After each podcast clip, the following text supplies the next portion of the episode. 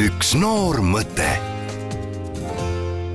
täna räägime ühe toreda noore inimesega, kellest te juba natukene teate ja õige pea saate ilmselt veel rohkem teadma ja meil on teisel pool telefoni Carlos Ukareda. tervist, Carlos! tervist! kui sinule esitada küsimus, kuidas sul praegu päriselt läheb, siis kuidas sa sellele küsimusele nüüd ausalt vastaksid? mul läheb äh, väga hästi. Äh, ma olen väga õnnelik ja tänulik äh, igasuguste võimaluste üle, mis mul praegu elus käimas on ja ma arvan, et mul läheb väga hästi ja mõeldes sellele, et vanus veel ei ole ju teab mis kaugele jõudnud, aga ometi Eesti otsib superstaari on juba selja taga, ka Eesti Laul on selja taga ja palju põnevat veel tulemas. kui nüüd võtta see Eesti Laulu konkurss, siis millised muljed sul praegu on, mõni päev on finaalist nüüd juba möödas, kõik on võib-olla natukene settinud, millised on praegu sinu tunded? praegu on noh, suur pingelangus ikka tegelikult ma jäin oma esitusega väga rahule ka ja ma noh, üldse võrreldes eelmise aasta Eesti Lauluga, siis see aasta ma nägin kogu selle projektiga palju rohkem vaeva ja võtsin seda nagu tõsisemalt ja ma jah, ja lõpptulemusega ikka olen väga rahul. Kumb variant see on sinu jaoks olnud, kas tõesti see, et pääseda tõepoolest ka Euroopa telepilti või siis näidata enda muusikat Eesti inimestele, kumb see sinu jaoks tähtsam on? Et mõlemad on sama tähtsad. võib-olla jah, unistus äh, veel ikka on välismaa poole pürgida, aga noh, see ei tähenda, et äh, siin Eestis ju inimestele noh, ikka tuleb ennast näidata ja, ja noh, ma arvan, et mõlemad on sama tähtsad. No sina oled hea näide ka sellest, et tingimata ei peagi kuskile konkursile minema, suured maailmakuulsad lauljad võivad märgata sind ka siis, kui paned enda laulu ise kuskile netti üles. Ja,. jah, jah, nii on jah sa said seekord kuuenda koha, kuidas sulle tundub, kas tegelikult kuues koht Eesti Laulul on isegi natukene parem artisti jaoks kui võib-olla teine koht, ehk siis teine koht kaotab napilt, emotsioon võib-olla on natukene teine, et nii vähe jäi puudu, et oleks esikohtunud. kuues koht on selline turvaline hea, et oli hea tulemus, aga samas ei kaotanud liiga suurelt. eks mõlemad kohad on head, ma arvan, teine koht võib-olla jah, et äh, siis on nagu see juba mängus, et napilt jäi võidust puudu, et siis on saab mingi selline kurb tunne võib-olla ka sisse tulla. kuuenda koha puhul nagu seda ei, ei olnud üldse, ma lihtsalt äh, olin kõige üle väga, väga rõõmus ja mul oli, ma olin väga õnnelik, et ma kuuenda koha sain, ma olen sellega väga rahul, aga no ilmselgelt noh, teine koht oleks olnud parem kas ma mäletan õigesti, et Eesti otsib superstaari oli sul ka lõppkokkuvõttes kuues koht või? jaa, oli.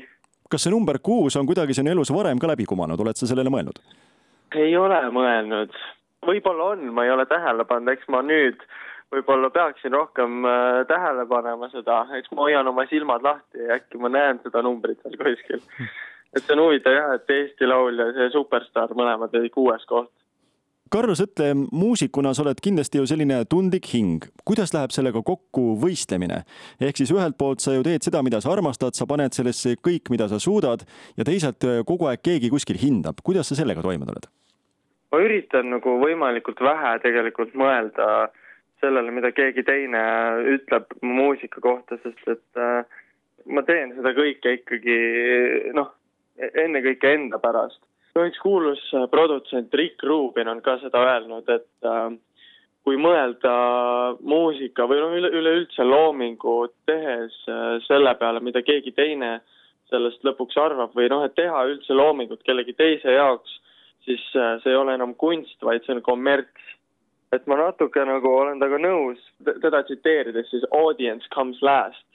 et enne sa teed ikkagi muusikat enda pärast, sest et siis, siis on see nagu selline päris asi ja nagu ma arvan, et siis, kui see noh, inimesed tunnevad selle ära, kui tegemist on sellise päris õige asjaga nüüd sa oled andnud oma jah-sõna ka saates Tähtede täht osalemise kohta. mis on see, mida sa sealt veel püüdma lähed, sest ma usun, et sa tahad igalt poolt midagi haarata, midagi leida, midagi õppida. aga mida konkreetselt sa sellest saatest enda jaoks ootad? ja see Tähtede täht, ma arvan, tuleb äh, väga huvitav äh, kogemus, sest et noh, seal on ju igas saates on vaja teha erinevas stiilis esitada laulu ja noh, seal on igasugused erinevad huvitavad stiilid, näiteks äh, ma ei tea, ooper on ju punk, džäss, ma arvan, et see saab olema paras väljakutse, aga ma ootangi seda, sest et ma näiteks ei ole kunagi ooperit laulnud, noh niimoodi sõpradega nalja tehes olen võib-olla ooperi häält nagu järgi teinud, aga noh, niimoodi tõsiselt esitanud mingit ooperilaulu ma ei ole mitte kunagi. Et äh, ma, ma väga ootan seda ja ma tahaks ise ka näha, et kuidas ma nende, nende challenge itega hakkama seal saan. võib-olla paljud artistid isegi ei ole pannud ennast niimoodi proovile või, või avastavadki selle, selliste saadete käigus mingisuguseid enda uusi tugevusi, et äh, jah. sind kuulavad praegu ka need, kes ongi sinuga täpselt samas eas. milline on olnud parim soovitus, mille vanemad sulle seni on andnud? üks, see kõlab väga klišeelt, aga on jää iseendaks. Seda tegelikult ei ole üldse lihtne teha. see on, ma arvan, üks nagu selliseid suuremaid asju, mida mulle öelnud on Te. teine asi veel, mis mu isa on mulle mitu korda öelnud, on, et ma peaks rohkem raamatuid lugema tal oli endal kunagi ka niimoodi, et ta küsis, Riho Sibul oli tema väga suur eeskuju äh, kunagi ja ta küsis Riholt, et äh, mis ta peab tegema, et äh, saada paremaks pillimeheks, paremaks kitarrimängijaks. Ja Riho Sibul ütles talle, et loe rohkem raamatuid. see raamatute lugemine tegelikult on väga-väga oluline asi ja see nagu mõjutab igat muud aspekti ka elus. oskad sa pakkuda välja ka praegu ühe raamatu, mis on päriselt sind mõjutanud, mida sa julged soovitada teistele? mul praegu hetkel ongi seesama Rick Rubini raamat käsil ja seda ma julgen väga soovitada, eriti nagu inimestele, kes tegelevad mingisuguse loominguga. Kas sa nüüd meie jutu lõpetuseks, mõeldes tagasi ka veel Eesti Laulule, julgedki öelda, et äh, sina oled see mees, kes kunagi suureks ei kasva, on see sinu lubadus? ma, ma ei tahaks nagu mõelda küll nii, et ma nagu nüüd olen mingi täiskasvanud inimene, et nüüd ma olen selline praegu noor täiskasvanu ja, ja noh, kui ma vaatan enda ümberringi inimesi, siis tegelikult kõik inimesed on ikkagi veel nagu lapsed ja ja alles avastavad seda elu, et vahet ei ole, mis vanuses nad on, et elukogemust on jah rohkem, aga kuidagi, et ikka igas, mulle meeldib nagu ära tunda igas inimeses seda nagu lapselikkust. ja minu arust see on nagu asi, mis tegelikult igal inimesel võikski nagu elu lõpuni säilida ka, et et ei oleks mingit sellist täiskasvanulikkust tõsidust inimesel või noh, et me ei väsiks nagu ära sellest, et see argipäev tuleb ruttu kätte ja elu läheb kuidagi rutiinseks, vaid me iga päev elaksime. nojah, jah suur aitäh, Carlos Ukareda, meiega vestlemast, soovime sulle loomulikult edu, soovime seda ka saates Tähtede täht ja jää alati iseendaks, ära üle pinguta, aga tee alati seda, mis sulle meeldib. ja suur aitäh